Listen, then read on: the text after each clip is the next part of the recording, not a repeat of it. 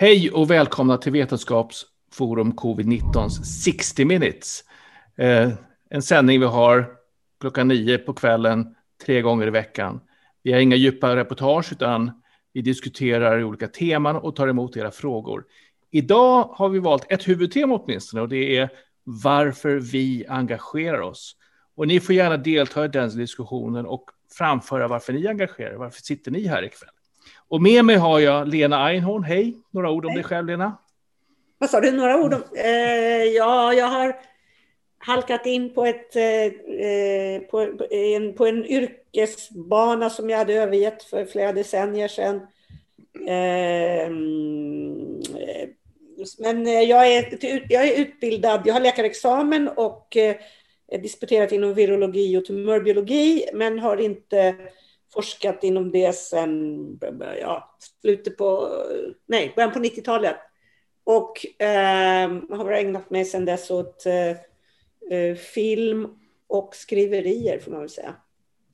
Författare och Filmare. filmregissör. Och, ja. Stefan, välkommen. Ja, tack så mycket Jan. Eh, hej Lena. Och hej.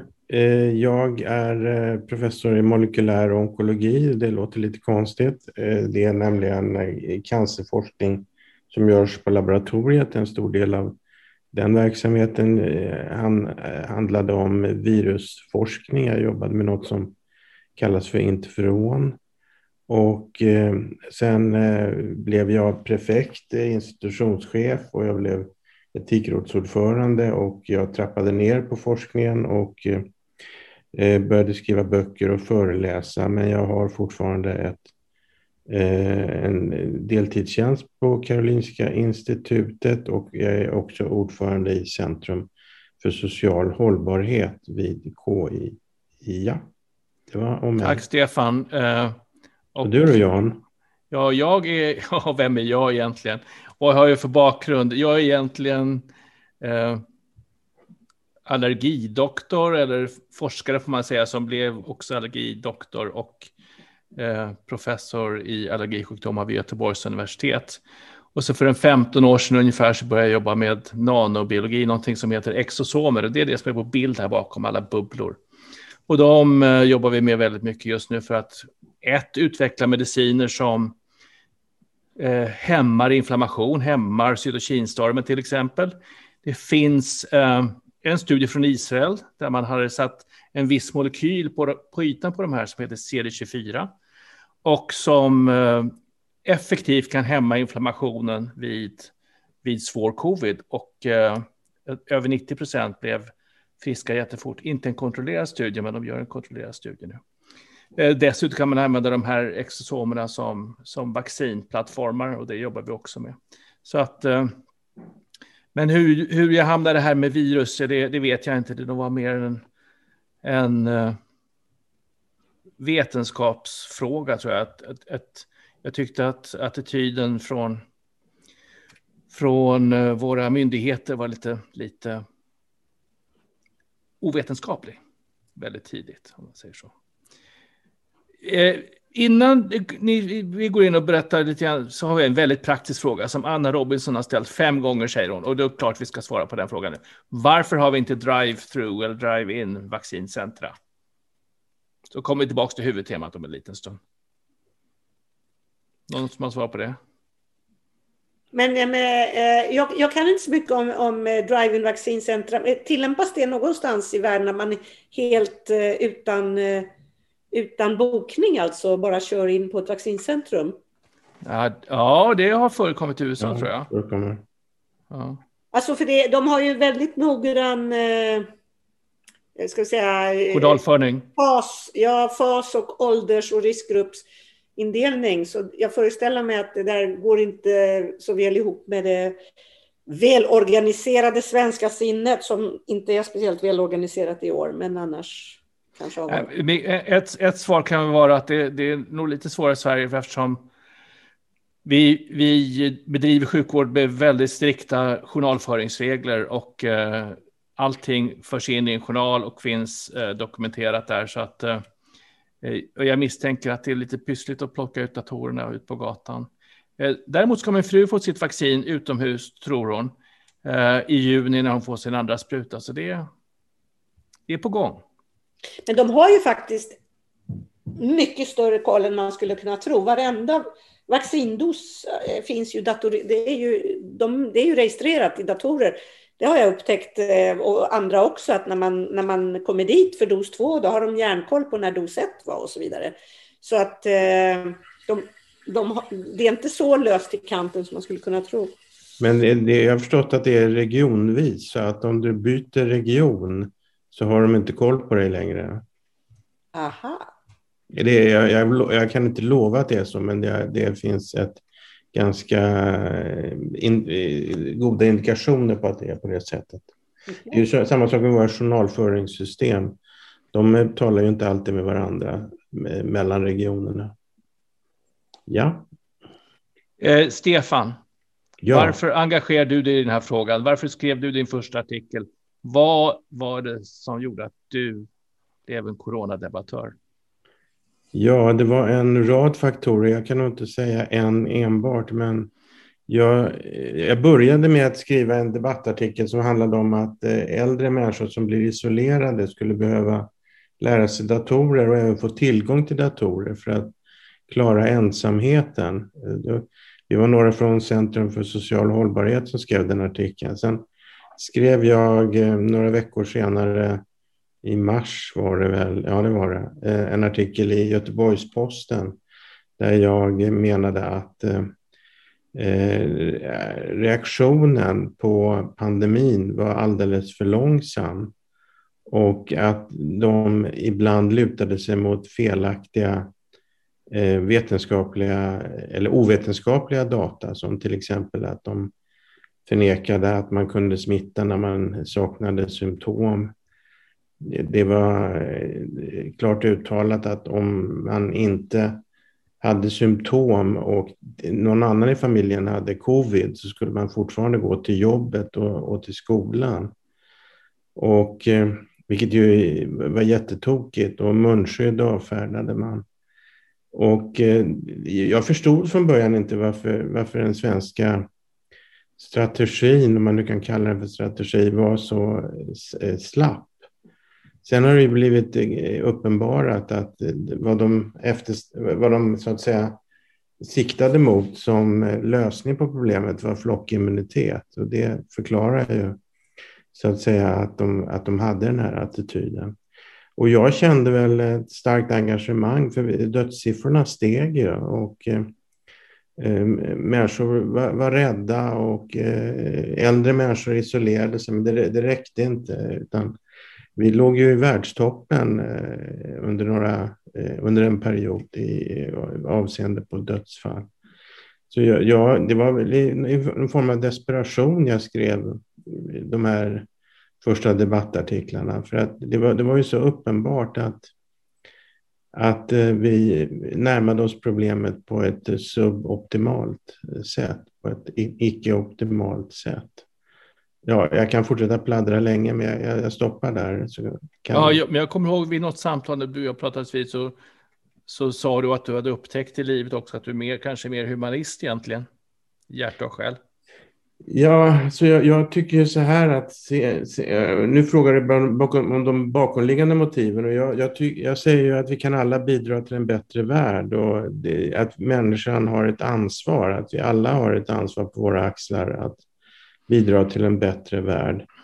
Och det här var ju så uppenbart att eh, det fanns brister som skulle kunna eh, så att säga eh, repareras. Sen blev det väl inte, ja det blev ju bättre med tiden men det dröjde och det är ju fortfarande så att säga brister i avseende på strategin. Men jag, jag tycker att om man eh, blir varse att någonting eh, pågår som skadar människor så, så är det eh, en form av plikt att agera och eh, det, det, det är väl det bakomliggande motivet för min del. Lena, eh ditt engagemang kom också från hjärta och själ. Ja, det var, det var en väldigt märklig resa som jag gjorde. Jag kommer inte ihåg när jag första gången läste om, eh, om det här i Wuhan.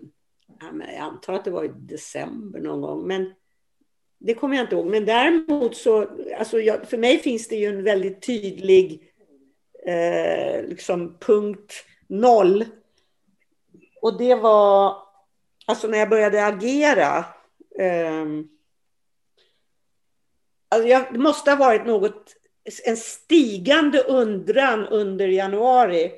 Därför vad som hände var att den 31 januari så läste jag en artikel i The Lancet och jag brukar inte läsa The Lancet. Jag verkligen övergav min gamla yrkeskarriär och, och eh, hade identitetsmässigt övergett den också. Eh, så det måste ha varit att jag helt enkelt eh, måste ha varit helt enkelt så att jag följde det här i media och tyckte det blev konstigare och konstigare. Eh, att ingenting hände, att ingenting gjordes i Sverige under januari månad. Så i alla fall 31 januari då förra året så kommer den här artikeln i The Lancet som jag måste ha sett någon länk till någonstans. Där de gjorde en modellering utifrån data. Det var alltså kinesiska författare utifrån data på eh, epidemiologiska data från Wuhan där de mycket, mycket starkt rekommenderade eh, stora centra i världen, i väst, med kontakter till det kinesiska fastlandet att omedelbart förbereda sig på eh, Eh, epidemisk spridning. Ehm, och det var mycket skarpt formulerat och det var i The Lancet som ju är en av de ska vi säga, vikt, absolut viktigaste medicinska tidskrifterna. Och eh, då blev jag liksom så här, då på något sätt så tippade jag över kanten och eh, dagen därpå, eller jag kanske läste den första februari och artikeln kom 31 januari.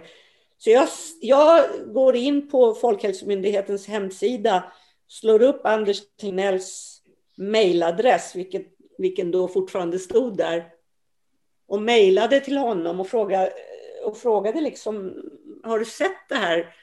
Är det, var, varför, varför görs det inte större förberedelser?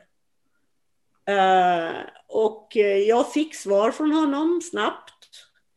Uh, om, uh, ja, det är mycket osäkra data och jag har, jag har, en diskmaskin som går här i bakgrunden, så om det låter så beror det på det. Men i alla fall, det är mycket osäkra data och, och man vet ännu inte och vi får se liksom. Och jag följde upp det där med att, då hade ju precis det här första fallet kommit, den här kvinnan som satte sig Jönköping. på... Ja, precis, Jönköping, ja, precis. Satte sig på en buss från Göteborg var det väl. Ehm, och, och sen självisolerade sig. Så jag sa, det var ju bara rena slumpen att hon var så klok, att hon gjorde det. Ska vi inte, ska vi inte, det här var samma, det var samma dag, alltså första februari. Eh, ska vi inte titta över det här med gräns, liksom, att, fria resor till Kina? Och då svarade Anders Tegnell att WHO mycket starkt eh, argumenterar, rekommenderar mot några som helst gränsstängningar. Och då svarade jag igen, det var då jag tror jag tog upp den här kvinnan och sa det var ju rena slumpen att hon var så klok. Och då fick jag inga fler svar. Och det var, jag fick två svar från Anders Tegnell, sen fick jag inte fler svar. Och jag fortsatte att vara förundrad. Jag, jag skrev några, men framförallt så tog jag kontakt med Björn Olsen då, i, någon gång, första veckan i februari. För han var den enda som verkligen hårt hade gått ut. Det fanns en del andra röster, men han var liksom konsekvent. Och han svarade mig direkt och vi upprättade en kontakt. Um, och vi skrev fram och tillbaka sådär några gånger och förundrade oss lite allmänt. Och så skrev jag till Anders Tegnell några gånger till, fick aldrig några svar. Men det som var nästa brytpunkt för mig, det var ju då sportlovet när, um, när det här utbrottet kommer i norra Italien och alla, när redan innan när de, när, när de sa att nej men ni ska åka som vanligt, det är inga problem. Och sen med sportlovet när de säger till människor att har de inga symptom så måste de gå i skolan och, måste, och bör gå till arbetet. Och då gick jag i taket, alltså då blev jag förtvivlad. Och då kontaktade jag en journalist och då sa de, vi intervjuar dig, säger de. Och så sa jag, men ni kan inte intervjua mig. Jag är ingen expert. Eh, ni måste intervjua eh, andra om det här, men det här är helt galet. Ni kan inte intervjua mig, det är, det är inte vederhäftigt. Men det här är galet. Och då, eh, då sa de så här, men vi ska intervjua flera stycken, men vi vill också intervjua dig. Ja, okej okay då, så, så, så sa jag någonting om det här med sportlovet liksom. Och det här var väl på söndagen då innan folk skulle börja i skolan. Och sen publicerade de det och det var bara jag som var intervjuad. Men de skrev att jag var virolog. Och då, och då hände något i min hjärna. Så jag, ja, fan, jag är ju faktiskt virolog. Och eh, jag fick plötsligt tillbaks lite av min identitet här, min, min avlagda identitet. Och eh, skrev min första artikel samma dag, då, i slutet på februari. Och fick nobben i DN och i Svenskan. Och, och, la, och då la jag ner den. Sen började jag skriva fler artiklar. Jag tror att första artikeln jag publicerade var någon gång i 9 mars eller något sånt där. Och då började jag skriva artiklar helt enkelt. Och eh, den fjärde artikeln jag skrev var till DN. Det var den där om kognitiv dissonans. Och då tog Björn kontakt med mig och drog in mig i ett e-mailflöde av otroligt förtvivlade forskare. Jag plötsligt bara befann jag mig i ett e-mailflöde med folk som skrek om nätterna och, och, inte visste vad de skulle ta sig till. Och, och um, det här var bara det här var bara någon vecka innan vi skrev vår första artikel, då allihopa. Får jag göra ett litet tillägg? Alltså Lena var otroligt tidig eh, reaktion eh, i avseende på den här pandemin. Jag kommer inte ihåg om det var en, i december eller januari du pratade med mig om det här och att det skulle bli en pandemi och jag sa nej men det är ingen fara, det är som influensa så jag, jag tror inte det är någon fara och det, dödligheten är inte så hög och så där. Men du hade banne med rätt alltså och du var en, absolut en av de första i Sverige som insåg eh, faran. Och det, det, tycker jag Lena ska ha en stor eloge för. Även om det är hennes bror som ger henne elogen. Mm. Tack ska du ha. Men alltså det var för mig var det ju en, en eh, jag har verkligen hade lagt bort den här identiteten. Jag, jag, kan inte säga, jag kan inte säga, jag kan inte betona nog hur mycket den var avlagd. Jag upplevde inte mig själv som en auktoritet på området på något sätt. Jag blev förtvivlad när de sa att de ville intervjua mig. Så att jag, jag fick ju liksom... Men eh, det har ju varit jättehäftigt nu under året när vi då har varit en stor grupp som har interagerat väldigt mycket och plötsligt befinner jag mig i den här sfären som jag hade lagt undan för så många år sedan och, och det har varit jättekul måste man ju ändå säga. Spännande och hemskt och allt möjligt. Men, men eh, Jo, utifrån ett eh, eget perspektiv så har det varit väldigt positivt att ha de här interaktionerna som vi har och den grupp som vi, som vi möter varje vecka flera gånger och pratar med är ju de intelligentaste människor, den intelligentaste gruppen jag någonsin har, har jobbat med oavsett vad det handlar om. Så att, för, för, för min del så var, hade jag ögonen öppna för, för pandemin tidigt, redan i uh, slutet på januari, inte innan dess. Uh, i slutet på januari och eh, var lite bekymrad och, och följde upp vilka fall som dök upp och vad det fanns för risk för spridning. Jag blev väldigt bekymrad, kommer jag ihåg, när eh, massa internationella journalister plötsligt rymde ifrån Wuhan på det sista tåget som gick därifrån. Tänkte det där är ju bland annat CNN-journalister sprang rakt, rakt igenom den här marknaden, djurmarknaden, som, där man misstänker att smittan kom från, för att komma till tåget och gav sig därifrån för att komma hem så fort som möjligt.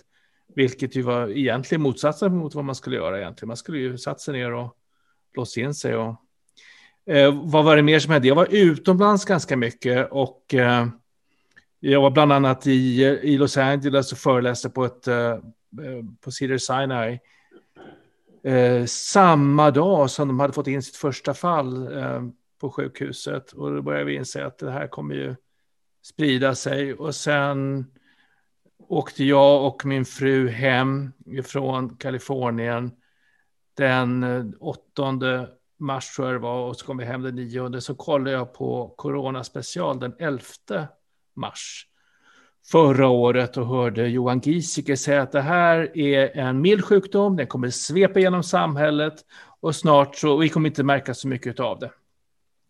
Och, och, jag, och, och jag var helt, helt chockad, för det verkar som att jag inte hade läst någonting eller sett vad som hände i Kina och insett att de hade behövt bygga upp akutsjukhus eh, för att ta hand om alla sjuka människor. Eh, och det var många, många tusen döda redan i, i Wuhan.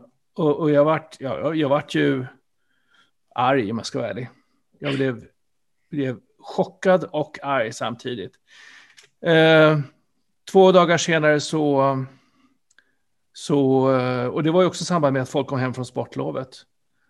Eh, några dagar senare, den 13 mars, fredagen den 13 mars, så åkte jag och min fru till landet och sen skulle jag egentligen vara tillbaka på jobbet på måndagen, men jag eh, bedrev lite civil olydnad och stannade och jobbade på, på, från landet även på måndagen och på tisdagen så fick vi besked att vi skulle jobba hemifrån om vi kunde.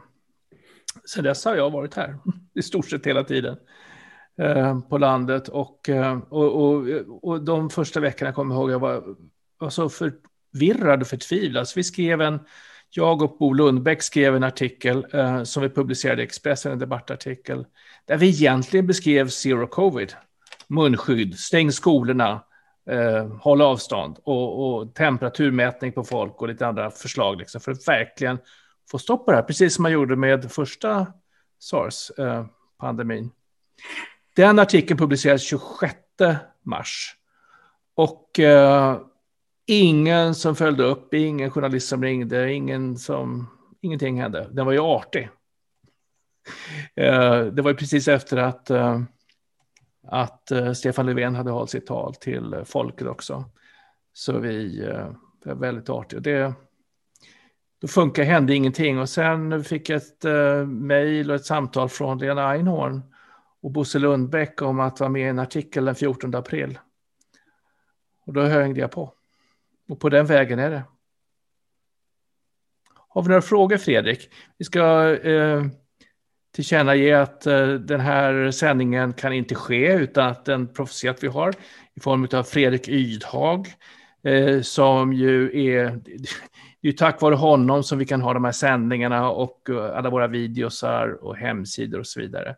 Eh, vi jobbar självklart ideellt alla, alla vi som är, eh, som är forskare, men vi måste ersätta Fredrik på något sätt och eh, swisha gärna ett litet bidrag, ni ser numret där nere eh, på övre delen av rutan så att vi kan fortsätta med vår verksamhet. Vi tackar jättemycket för ert engagemang och, eh, och deltagande. Marianne Hirsch Magnusson eh, tycker att Dela, du har mycket kunskap men också humor. Okej, okay. ja, i, mina, i mina debattartiklar eller vad då? Eller... Ja, jag vet inte, det står inte mer än så. Ja, Eh, ja, tack för det. Eh, Stefan har ännu mer humor. Stefan är riktigt rolig. Men han ja, han är sådär liksom, smygande rolig. Man märker inte riktigt det. Eh, men han skriver inte så mycket kulturartiklar så det kanske inte får plats med. Jo, han har ju förstås skrivit för Stefan Sauk två stycken eh, monologer som har varit väldigt, väldigt roliga. Stefan? Jag är väldigt rolig. Till och med när han säger det så, så är det roligt. Ja, herregud. Eh, Lena Dahlberg skriver här, ni är helt unika i slag, helt fantastiska. Tack så mycket, kära Lena, det är jättesnällt. Eh, vi är evigt tacksamma och tror att många håller med mig. Eh, tack Lena. Katarina Sofia Bergström skriver, hur kunde Sverige bli så faktaresistent? Och det är någonting som jag tror vi kan prata om en stund här, för att eh, eh, varför var myndigheten så faktaresistent? Varför var individerna som, som styrde strategin så faktaresistenta? Och hur fick de med sin befolkning? Lena har ju skrivit artiklar om detta. Alltså, jag, bara, jag ber om ursäkt igen för min, tvätt, för min diskmaskin här i bakgrunden. Eh, vad, det, alltså det där är ju... Det där är ju eh, jag brukar säga att det där är en kombination av faktorer, men eh, eh, till syvende och sist handlar det om personligheterna hos ett par, tre personer helt enkelt. och det faktum att de fick fritt spelrum. Alltså faktaresistensen är nog väldigt personlig och, och har med, med ett par, tre personers agerande att göra och att de fick spelrum beror på att de som skulle haft den slutgiltiga eh, översynen och, det, och har det slutgiltiga ansvaret inte, inte tog sin uppgift på allvar. Vi eh, har ju en nollvision för trafikdödligheten eh, och den kom ju då från, från Trafikverket, Svenska Trafikverket på den tiden.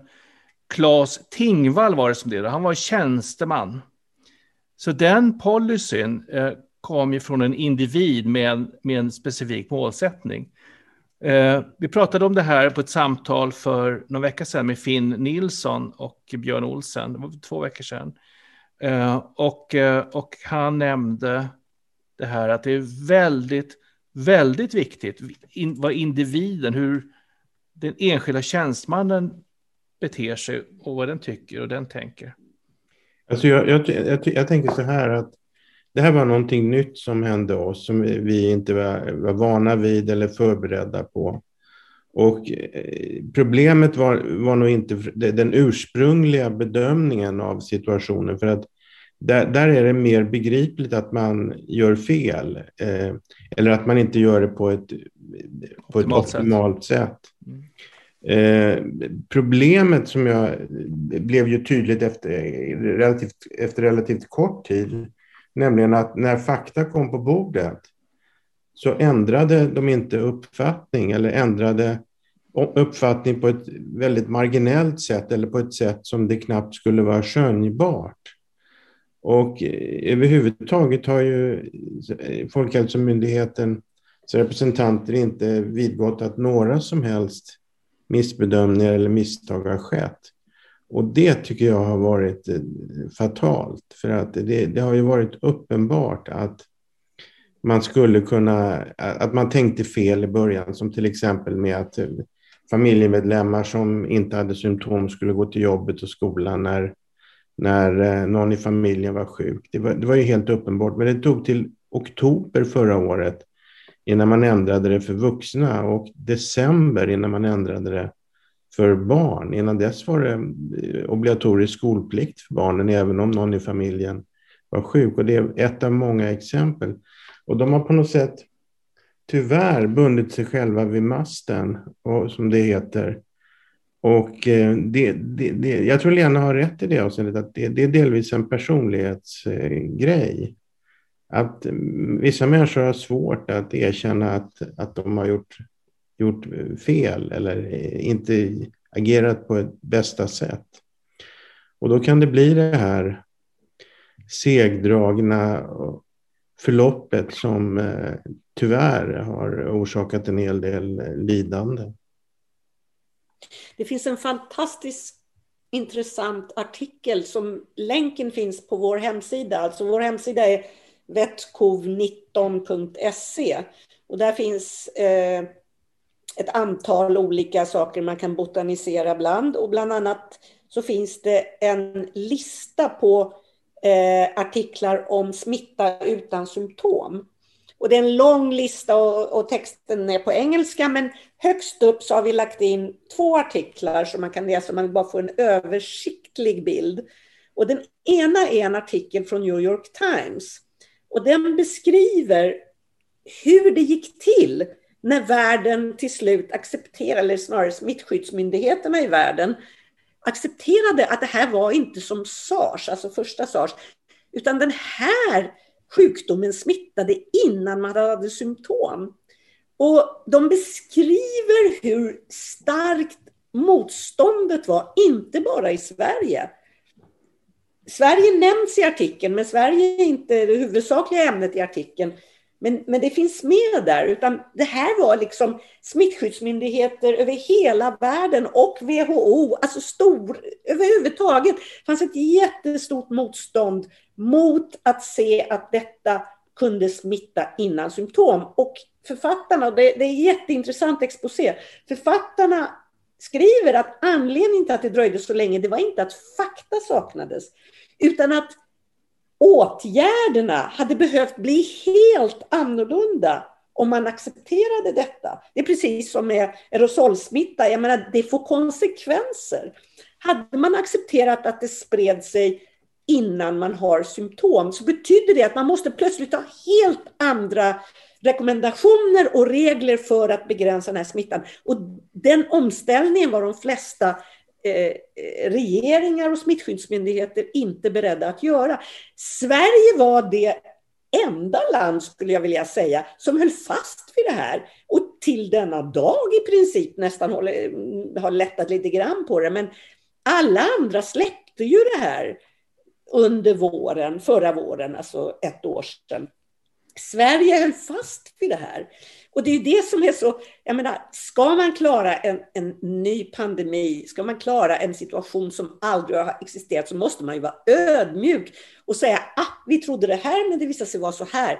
Men någonting eh, finns alltså hos dem som har styrt det här pandemiarbetet och det har varit myndighetspersonerna där en gång sagt alltid står fast. Och det är ju en jättetragedi. Men den där artikeln är jätteintressant som sagt på vetcov19.se under eh, smitta utan symptom eh, från New York Times. Eh, lärdomar för alla. Jag tror New York Times eh, håller sina eh, covid-artiklar öppna också för allmänheten. Ja, det är möjligt. Ja, du prenumererar på New York Times. Så ja. att, eh, för de som inte vet det så prenumererar Lena Einhorn på alla dagstidningar i hela världen nästan. Mm. Det har jag hört henne ske. Och så kom den här 14, 14 april som vi publicerade oss och där hände det grejer. Ska vi ta upp det lite kort? Eh, både du och jag blev ju exponerade. Du är i Aftonbladet, du är i Aktuellt och jag på Aftonbladets hemsida. Lena? Ja, det var ju efteråt. Jag vet ja. inte, var du i Aftonbladet? Var det också efteråt? Ja, nej, det var ju efter artikeln. De ringde mig vid, ja, vid, vid kvart i tolv eller någonting sådär på dagen. Då, ja. Eh, jag hade inte tvättat håret riktigt för man har inte behövt ge sig ut. Så jag bad att få kamma mig lite grann och raka raka av mig stubben. Och sen så, men då hade väldigt bråttom att få göra en videointervju. Så ställde jag mig på altanen, det var fint väder. Mm. Eh, och eh, och eh, blev utsatt för en sjuk, sjuk vad heter det, skjutjärnsjournalistik heter det. Så av denna, inte av denna värld som, jag var liksom inte riktigt förberedd på det kan jag säga. Utan eh, jag, jag är okej okay nöjd med, med, min prestation. Eh, men, men jag blev ju Aftonbladets ansikte eh, för oss då. Jag dök ju upp så fort det var en artikel på Aftonbladet om, om covid så kom min video upp överst, ungefär som det andra individer på andra sidan debatten som dyker upp nu på Expressens och Aftonbladets hemsidor. Jag var ju... Det var den tidens Agnes Wold helt enkelt. Ja, några veckor där, någon vecka eller två. Jag var ju intervjuad i TV4, men de var faktiskt artiga måste jag säga. Ja. TV4-nyheterna. De var trevliga. Mm. Så alla var inte sjukhemsjournalister. Nej, och du, och du hamnade på Aktuellt, Lena? Ja, de ville ju intervjua Björn. Mm. Men han ville inte eller kunde inte och, och eh, föreslog mig. Mm. Och eh, jag tycker Anders Holmberg sköttes, det var, det var absolut en bra intervju. Det var bara att det var inte en intervju, det var en debatt. Mm. Eh, med tyvärr viss fördröjning eftersom jag var på länk. Mm. Eh, men det var sista gången Anders Tegnell debatterade någon i media, i svensk media i alla fall. Uh, jag, var, jag var oerhört upprörd. Och det kan jag ju se mm. uh, på den. Alltså jag var så jag var så upprörd över att, alltså det var ju då i, när Sverige... Men han var ju arrogant. Han var ju direkt arrogant. Nej, men det var inte, det var inte så mycket att jag var upprörd över hur han betedde sig. Jag, var, jag kom in upprörd därför att dödstalen var ju så höga i Sverige och han stod ju på pressträffarna och, och sa att allting ser jättebra ut. Ja, det, het, det hette inte dödstal, det hette, det hette inte dödstal, det hette kurvan. Ja, just det. Kurvan såg alltid bra ut.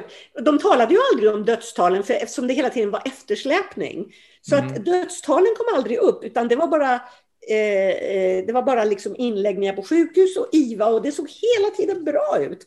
Och Sverige höll ju på, var, låg ju på tionde plats i världen i dödstal då och gick ju sen upp till första plats några veckor senare.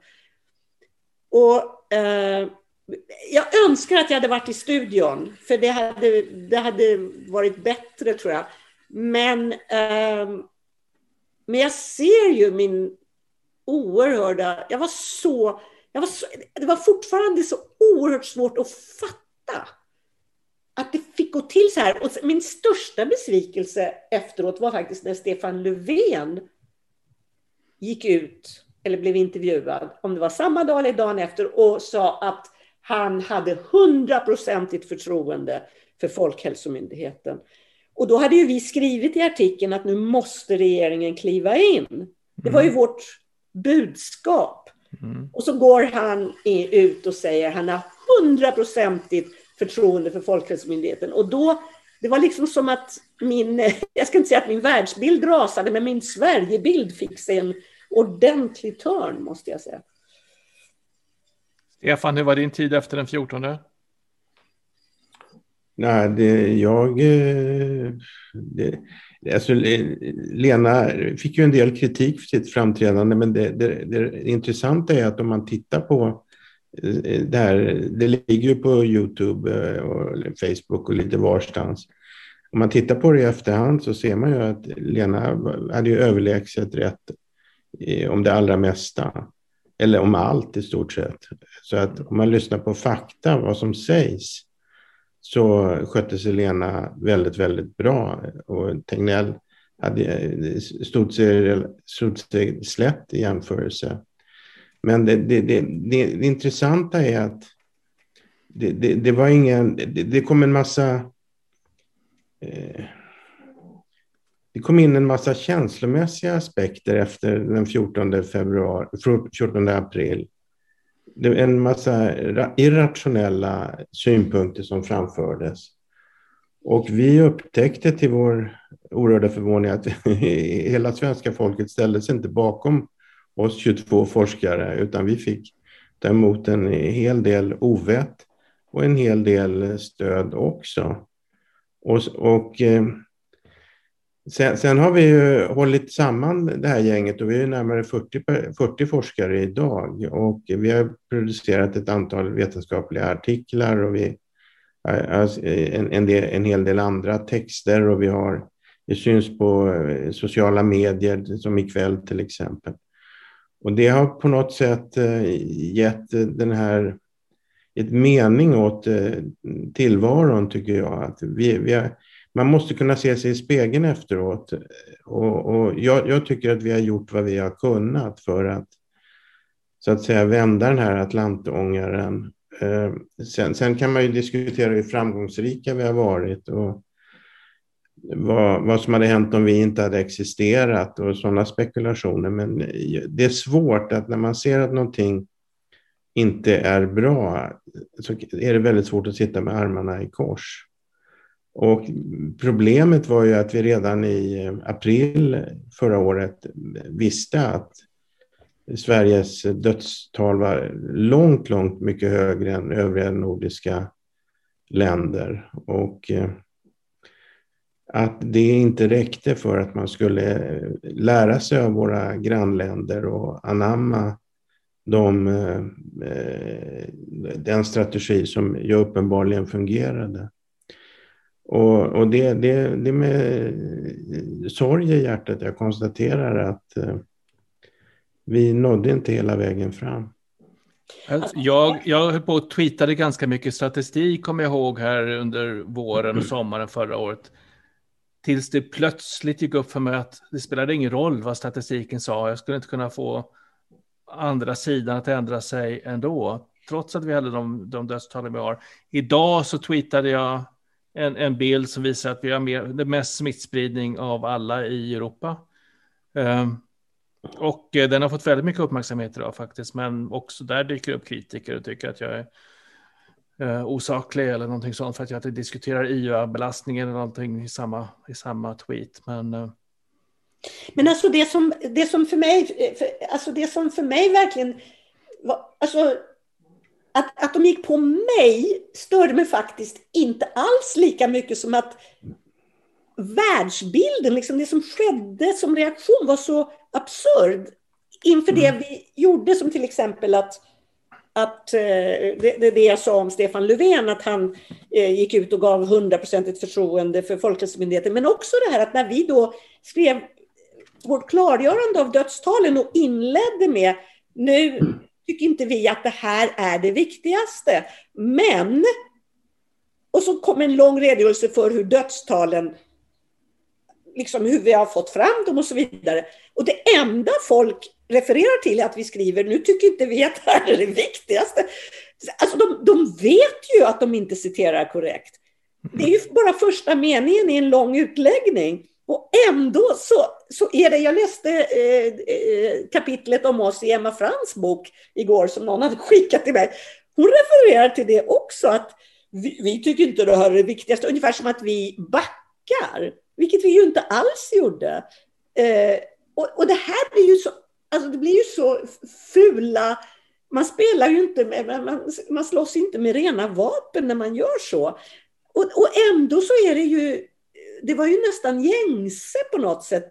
Misstolkandet eller feltolkandet. Eller, och, och, och då förstod man ju att, precis som eh, jag brukar referera till en, en, en, en trollkar som jag hörde säga no, någonting i en dokumentär någon gång, att vi, vi, vi, vi tror att vi eh, någonting sinne. Vi tror att vi tror på det som eh, vi väljer att tro på, men så är det inte. Vi tror på det vi behöver tro på. Och det här, alltså det, det här var ju känslomässigt alltihopa. Och det fanns ett otroligt fundamentalt grundlagt behov att lita på myndigheterna. Det var så starkt. Det tror jag är en aspekt. Och den andra aspekten är att man ville värna den där friheten som vi svenskar hade. Att uh, göra vad som helst och inte ha någon lockdown eller något sånt där. Men det där behovet av att kunna lita på myndigheterna tror jag var jättestarkt. Ja, man blir lite rädd när jag tänker på ordet myndighet. Det vill säga vi som in, ja, det är de som styr, de som är uppfostrade hos andra lite. Uh, Mikaela Johansson har tackat så jättemycket för att hon har hittat vår kanal, jätteglad för det. Och hon är bekymrad över att journalisterna har varit så ointresserade av att gräva djupare. Eh, och eh, ifrågasatt saker och ting. Eh, lama svenska media kallar hon det. Nu börjar det ifrågasättas lite mer, men det är än så länge ytligt. Tack för att ni finns, säger hon. Journalisternas beteende, ja, lite bättre kanske det har blivit. Jag vet inte hur mycket bättre det har blivit. Jag skrev, jag skrev tre artiklar var det faktiskt, i Svenska Dagbladet om det här. Ehm, med journalisterna. För det första, det finns flera saker man kan säga. För det första, jag skulle inte dra alla journalister över en kam, utan det var eh, mycket länge ett antal ledarskribenter som var väldigt skarpa, extremt skarpa, eh, på, fler, på flera stora tidningar. Eh, de som fallerade var väl i första hand, eh, inte alla, men de flesta vetenskapsjournalister och nyhetsjournalister. Och, och jag vill inte ens lägga skulden på dem, därför att det var ett sånt propagandamaskineri som kom ifrån Folkhälsomyndigheten att det krävdes väldigt mycket kunskap för att stå emot och, och ställa följdfrågan och vrida på det. Så att, eh, men det borde ju i och för sig vetenskapsjournalisterna ha klarat av. Men, eh, men jag, jag vill ändå säga att eh, nu har de flesta ledarskribenterna tystnat, vilket är intressant. Men under, under många månader så, så var det väldigt mycket bra som skrevs på ledarsidorna, måste jag säga. Men man märkte till exempel när, när, när Kungliga Vetenskapsakademin gav sig in i debatten och tillsatte en expertgrupp som skrev en artikel om eh, munskydd och asymptomatisk smittföring, eller en, en, en text och då tänkte, då tänkte ju vi så här att nu, nu, okay, nu, nu lyssnar de, nu, nu kommer det bli ändring. Det blev det inte, det flöt bara förbi på något sätt. Och eh, eh det som Lena säger att de, de har ju tillgång till massmedia, de har en, ett, ett stort antal kommunikatörer anställda och eh, de har så att säga byggt upp en försvarsmur runt sina ställningstaganden. Och frågan är ju när det här kommer att falla helt och hållet, om det kommer att falla. Men min tro är ju att ehm, inom några år så kommer man att eh, så att säga omvärdera hela det som hände med Folkhälsomyndigheten och regeringen och eh, andra myndigheter. Och det, det kommer att skrivas böcker om hur, hur, det kunde bli på det här sättet. Det är min gissning. Vad säger ni? Jag tror att det kommer att komma snabbare än så. Alltså, jag tror att det kommer att komma, eh, ja, men, men den allmänna acceptansen för att allt var fel kommer inte att komma på ett tag. Därför att eh, the ego has to protect itself against shame. Jag menar, har människor tagit starka ställningstaganden är det väldigt svårt att rucka på dem. Det vet man ju historiskt. Eh, men däremot så tror jag att eh, redan nu så ser man att de, de forskare och läkare som stöttade Folkhälsomyndigheten väldigt starkt eh, under förra året eh, upphäver oftast nu kritiska röster. Det, det, tycker jag hela tiden nu man börjar märka att de som, var, de som stöttade dem till 100 procent förra året, de gör inte det längre. Så att, att, att vara, åtminstone bland forskare och läkare, så tycker jag nog att majoriteten nu intar en ganska kritisk hållning. Björn Lindström, som är vår eh, vän ifrån ögonläkare från Falun, tror jag det är. Ja. Jag har faktiskt gjort ett samtal med honom på en halvtimme som är lite roligt att lyssna på. Och ni kan hitta det i vår videosamling, ni som, ni som lyssnar idag. Han frågar kära läkarkollegor Lötvall och Einhorns om ni som han känner en djup besvikelse över det svenska läkarkollegiet har varit okritiska och försvarat och ställt sig bakom Folkhälsomyndigheten. Eh, Stefan, har du någon kommentar på det? Ja, det, min kommentar är att det är förvånansvärt att eh, Läkarförbundet, Läkarsällskapet och andra läkarorganisationer inte har reagerat mer kraftfullt. Det, den kompetensen finns ju där så att säga. Mm. Så att det, det, jag tycker det är ytterst förvånande att de inte har agerat. Ja. Vad, vad säger du Jan? Ja, jag, jag är också besviken och det är framförallt vissa individer då som jag är, är besviken på kanske som, som har gått på eller som har uh, kritiserat på olika sätt. Uh, sen finns det ju en tyst kritik, tyst kritik som man inte hör. Liksom, när, när det plötsligt blir tyst från någon så kan man ju undra vad det, vad det så att säga beror på. Men, men uh, jag känner ju inte att det fin- jag har något stöd från mina läkarkollegor för, för mitt agerande i det hela tatt. Och förutom Vetenskapsforum och Bo Lundbäck som jag jobbat med i många år. Så att ja, jag är besviken också lite grann. Men jag hoppas att det är på väg åt rätt håll ändå, att det vänder precis som Lena säger. Ja, men jag måste säga att jag, jag tycker inte jag har lidit av någon kollegial eh, så att säga, missnöje med mina mm. ställningstaganden. Utan min erfarenhet är att folk ibland har tyckt som jag, ibland inte tyckt som jag, men det har funnits en ömsesidig respekt. Jag, jag har ju respektfulla kollegor, eh, som är, eller kollegor som är respektfulla, som kanske inte tycker som jag, men som respekterar och accepterar det jag tycker och det jag står för. Så att där har jag inga problem alls. Där har man ju rätt att ha olika åsikter. Men, men alltså så här är det ju, nu har ju KVA verkligen ställt sig på de kritiska sida, men det dröjde länge för KVA också i sanningens namn. Eh, vi var ganska mm. ensamma i början. Och, och jag, vad, jag, vad jag menar är att här finns ju djupa mänskliga sätt att reagera i kris och i, när det råder konsensus eller grupptänk som är oerhört desillusionerande tycker jag. Liksom det, vi tänker inte med våra intellekt, vi tänker med våra känslor. Och det är väl jättebra i vissa lägen, men i det här läget så var det ju... Och jag vet just Björn, ehm, ögonläkaren i Falun, som alltså var ensam om, om att vilja ha munskydd. Och lä, läkarna hade ju inte munskydd. Det är ju bara mm, de inte sista... ens ögonläkare som är så nära sina patienter. Ja, det är bara de sista månaderna som sjukvårdspersonal har satt på sig munskydd. Det var, grupptänket gick mot munskydd. Och, det, och, det, och de accepterade det. Trots att de borde veta bättre så fanns det ett tryck mot munskydd inom sjukvården mm. och äldrevården. Och det är, det är ju helt chockerande. Alltså det, det, men det, sån är mänskligheten. Och i slutändan så tror jag att vi kommer bara att kunna konstatera att det här är inte typiskt svenskt. Det här är typiskt mänskligt och Sverige är inte bättre än något annat land. Om vi trodde att vi var mer rationella och högre utbildade och har stått utanför krig och kan se nyktert på saker och ting. Nej, vi är precis lika goda kålsupare som alla andra människor. Då måste vi ställa oss frågan, gäller det oss i Vetkov också? Att vi tappar ibland greppet om det rationella tänkandet.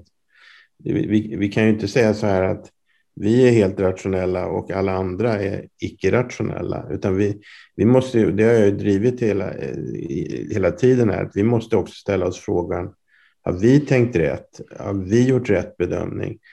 Så att vi hela tiden har en, en, ett kritiskt tänkande i gruppen och ett ifrågasättande så att vi inte hamnar i det här eh, absoluta tänket att, eh, som, som ju så att säga den andra sidan uppenbarligen har fastnat i. Det, det får inte drabba oss. Vi måste, vi måste... Vi tänker självklart emotionellt vi också. Det är ja. klart att vi gör. Väldigt mycket av det som vi gör och, och vi tänker, vi säger, kommer ju från en, en känsla. Men det betyder inte att man har fel för att man har en känsla, eller att det kommer från en känsla. Eh, fel och rätt är ju alltid relativt, det är alltid relativt, men, men känslan är ju den du har. Lena? Men vi, har ju, vi är ju ingen monolit. Vi har ju haft liksom olika grupperingar som har tyckt olika. Och vi, vi, vi, tycker ju inte alltid likadant allihopa. Vi tycker förvånansvärt lika. Vi har förvånansvärt, hållit ihop förvånansvärt väl. Men vi har inte samma, en del är mer radikala, en del är mer återhållsamma, en del tycker man ska göra så, en del tycker man ska göra så. Det, så vi kan ju inte påstå att vi, att vi är helt liksom befriade från olika strömningar i, i den här gruppen. Men visst är det som Stefan säger, att man måste alltid eh, eh, se på sig själv och, och det, alltså känslomässig har man ju verkligen varit och blivit under det här året. Det, så är det ju absolut. Mm. Men, men, vi som forskare, Stefan, eh, och får vi fortfarande aktiva forskare, ja det gör i alla fall aktiv forskare, Grund, grunden för att vara forskare, det är du också, okej, okay. eh, är, ju, är ju att ifrågasätta. Att ifrågasätta sanningen. Eh, eller ifrågasätta dogma rättare sagt eh, ifrågasätta den karta som är ritad av skolböckerna och se finns det andra delar i den här skolboken som behöver eh, förklaras och förstås för att vi ska hitta bättre mediciner eller kunna förstå sjukdomar bättre. Så det här med ifrågasättandet, det, det tycker jag att vår grupp har stått för väldigt starkt och vi har haft högt i tak för det ifrågasättandet i, i gruppen. Eller vad, vad säger du Stefan? Ja, det, det, det, är absolut centralt. Annars skulle jag liksom abdikera från gruppen om vi inte ifrågasätter. Och vi har ju de som eh, har, har, tagit en ganska, eh, i vissa lägen en, en eh, haft åsikter som eh, bara förutsätts av en minoritet. Men vi har, vi har ju hållit sams under det här. Ja, det är nästan ett år och två månader nu. Och vi, vi har eh, ömsesidig respekt för varandra. Och sen är det, är det, det, är centralt att vi inte fastnar i tänkandet som vi så att säga åberopar att andra gör. Jag till exempel trodde att det skulle komma en eh, effektiv antivirusbehandling inom eh, loppet av månader.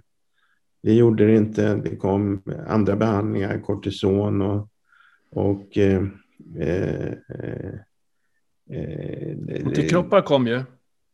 Ja, antikroppar har kommit nu, men även att man lärde sig att vända patienter på mage till exempel, som anses ha ökat överlevnadschanserna. Mm. Men det kom inte några snabba, effektiva antivirusbehandlingar.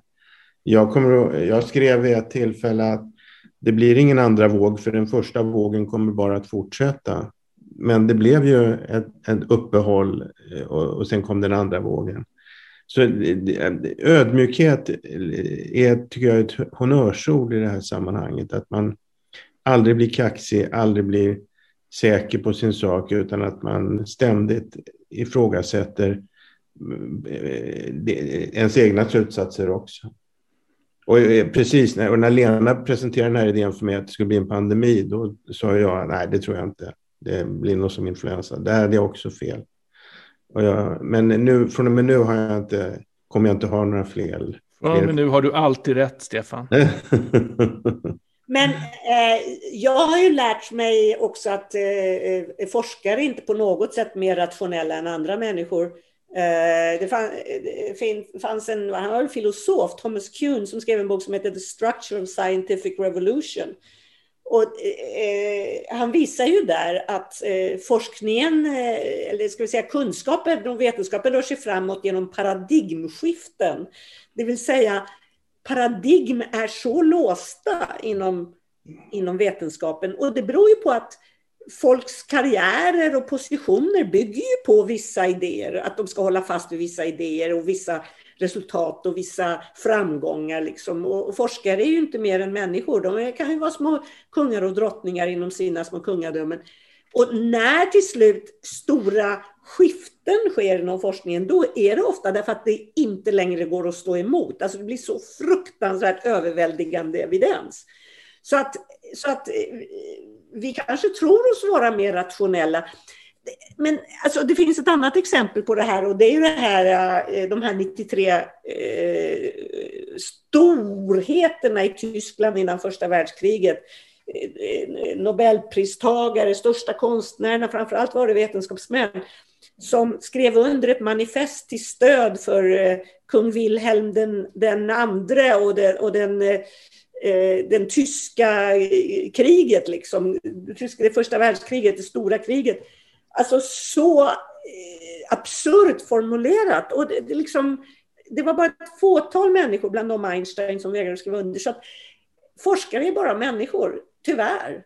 Det, Eller det kanske är, kanske är det, bra. Men, men det, det är väl också visat sig att eh, man gjorde en studie där man eh, försökte upprepa hundra psykolog, psykologstudier och det visade sig att en tredjedel höll måttet och kunde upprepas. De andra gick inte att upprepa och det är känt också från kliniska studier att det är allt som oftast händer att man inte kan upprepa studier. Så att eh, forskningen eh, är ett, delvis ett gungfly, det måste man vara medveten om. Och återigen, ödmjukhet är honnörsordet. Jag har två kommentarer på, eh, på det här med det, stora skiftet. Det ena är att psykologi var väldigt svårt att sätta siffror på.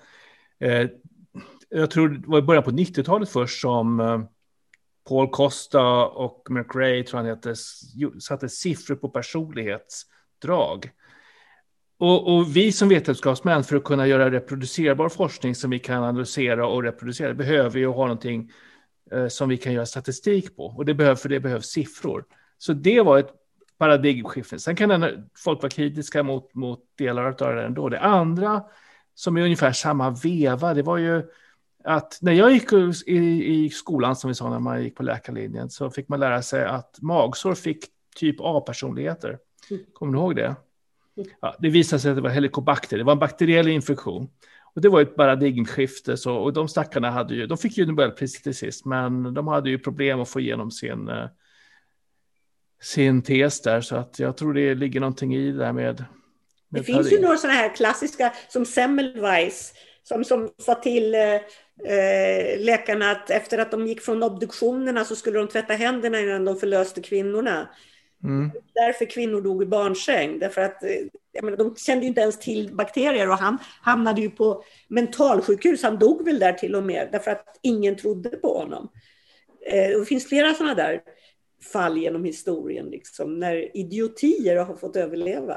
Nu har vi rackat ner på forskningen en hel del här. Vi måste säga att det görs bra saker inom forskningen också.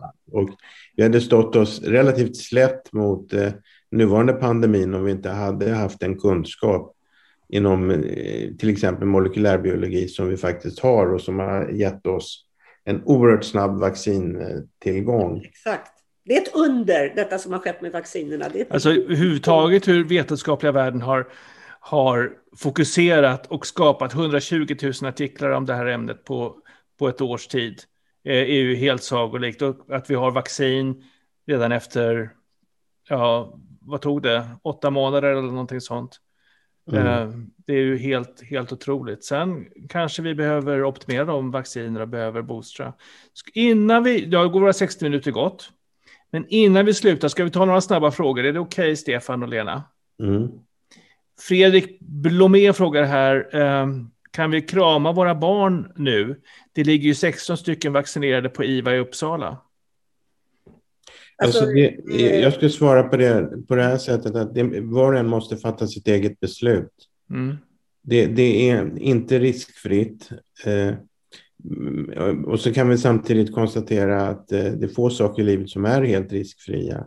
Man ska vara försiktig tycker jag, men man måste också göra en, eh, ha respekt för att människor inte orkar fortsätta den här isoleringen från nära och kära allt för lång tid.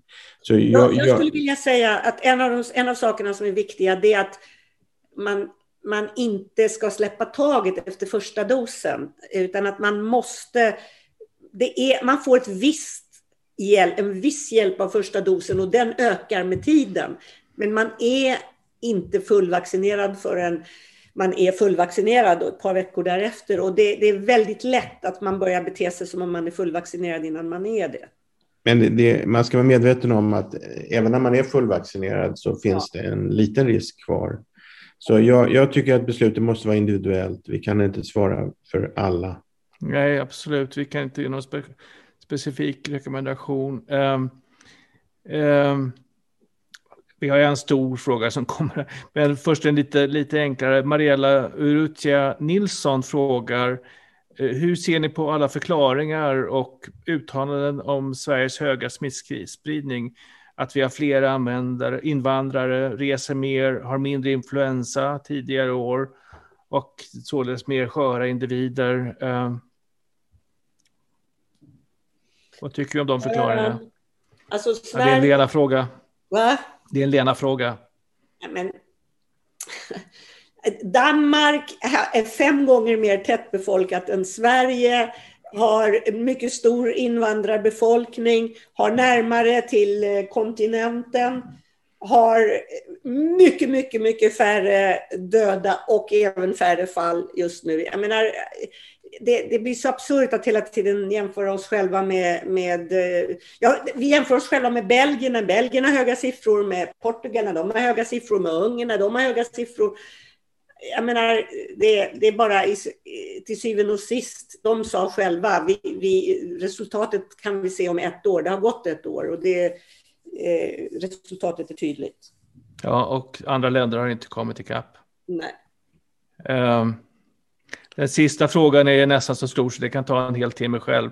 Camilla Källner, Källner Amft frågar, med tanke på Sveriges val av strategi, vad tror ni låg i andra vågskålen? Vilka avvägningar tror vi har gjorts? Eh, och det talas om folkhälsa som ett, ett, någonting i andra skålen. Vad, vad, vad betyder det egentligen? Jag tror att det har varit eh, initialt två skeden. Det första är att man inte var medveten om hur allvarlig situationen var. Man förstod helt enkelt inte hur allvarlig situationen var. Och sen var det att man eh, bestämde sig för att, eh, som Giesecke sa, hela, den skulle svepa genom hela befolkningen. Och därför tänkte man att eh, det, flockimmunitet kommer att lösa problemet. Och eh, därefter har, och, och, och, det har man, det finns ju så mycket nu mejl och, och utsagor som talar för att man hade det som målsättning. Och, och, det, det, det, och sen har man försökt skylla över så att säga det här folk, flockimmunitetsstrategin på olika sätt och pratat om att eh, vi, vi, vi, Sverige är ett individualistiskt folk och att eh, man eh, att, att svenskar tar ansvar och, och på ett annat sätt än andra. Och, och det, det, det, har blivit en, om man, om man studerar det så har det blivit lite av en soppa med hela, eh, så att säga, den så kallade strategin. Om jag får rekommendera eh, människor att lyssna på något så, som är väldigt intressant så är det förra veckans lördagsintervju med Lena Hallengren. Den är otroligt fascinerande att lyssna på och sorglig. Väldigt bra frågor. Otroligt undvikande svar och, och min undran var ju då efteråt efter att ha lyssnat på det där, tror hon på sig själv? Vad försiggår liksom bakom de där svaren? Jag, jag tycker det... Ja. Men det är mycket intressant att lyssna på det. Nej, den här resan är inte slut. Vi kommer fortsätta att finnas tillgängliga här. Några sista ord från Lena eller Stefan? Var försiktiga. Ja. Stay safe. Till. Mm. Ja, använd munskydd inomhus eh, och om det är trångt utomhus. Eh, använd munskydd också för att det är en politisk handling och kan ge andra mod att använda Precis. Det är väldigt Precis. viktigt att man är ett föredöme också i det Och ett föredöme. Ser lite mer munskydd nu än tidigare. Eh, det andra jag vill säga tack för att ni eh, är här och lyssnar och stödjer oss. Jag vill också säga tack till Fredrik som producerar det här programmet. Eh, som ju inte syns så mycket men gör väldigt mycket. Vetenskapsforum existerar bara och kan kommunicera på detta sättet tack vare ert stöd. Så vi är väldigt tacksamma om ni kan skänka en slant via den länk som finns underst i bild. Tack så jättemycket för alla, alla kommentarer. Tack för, eh, för att ni är här och vi ses igen på tisdag med en annan grupp individer. Hej så länge.